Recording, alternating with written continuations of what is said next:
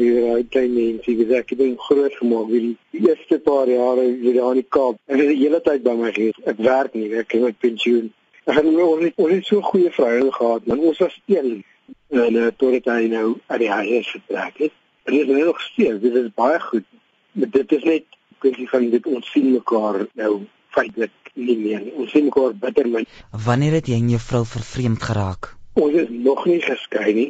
Kyk, die hele skei proses is nou nog aan die gang.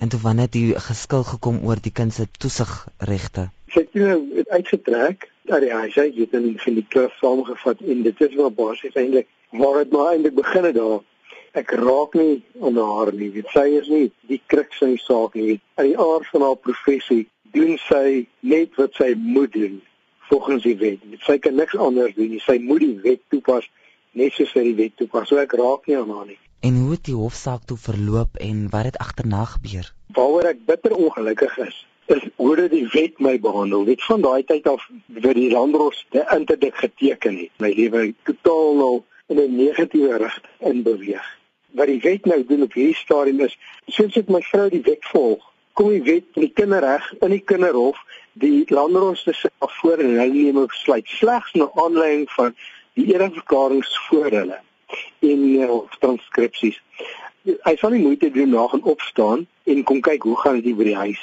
in die aard van sy posisie moet hy 'n objektiewe besluit neem. Hy kan nie 'n subjektiewe besluit daar in die hof neem daar waar kindertjies se lewe vernietig word nie. Dan maak hy 'n besluit daar en dit vernietig my lewe hier by die huis. Dit ek sien nie my seentjie nie. Ek verlang my dood na daai klein mensie. Weet dan hy's nie hier nie. Gaan nou in die kamer en ek leef die bed en ek huil soos 'n kind man. Dit so ek nie die klein mensie. Dink jy die hof is regverdig as dit kom dat hulle moet besluit wie toesig oor die kind kry en dink jy man pa kry dieselfde toesigregte?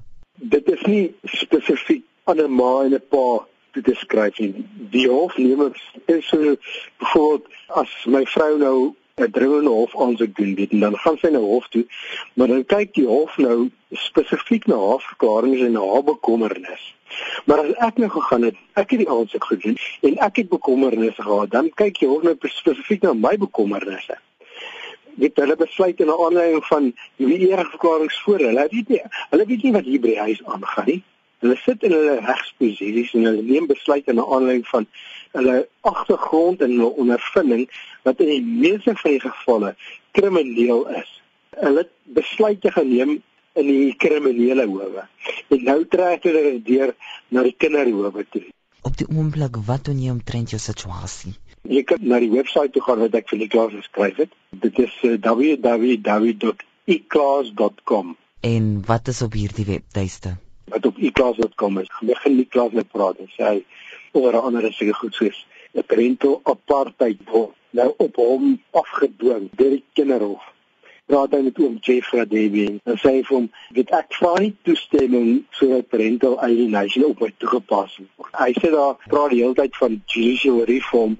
Wat gebeur hier onder? Dit ons daddies word mal man, dit ons jy verlang nou na jou kind nie oor 2 jaar wanneer die judicial reform klaar gedoen is nie. Die oplossing moet nou kom.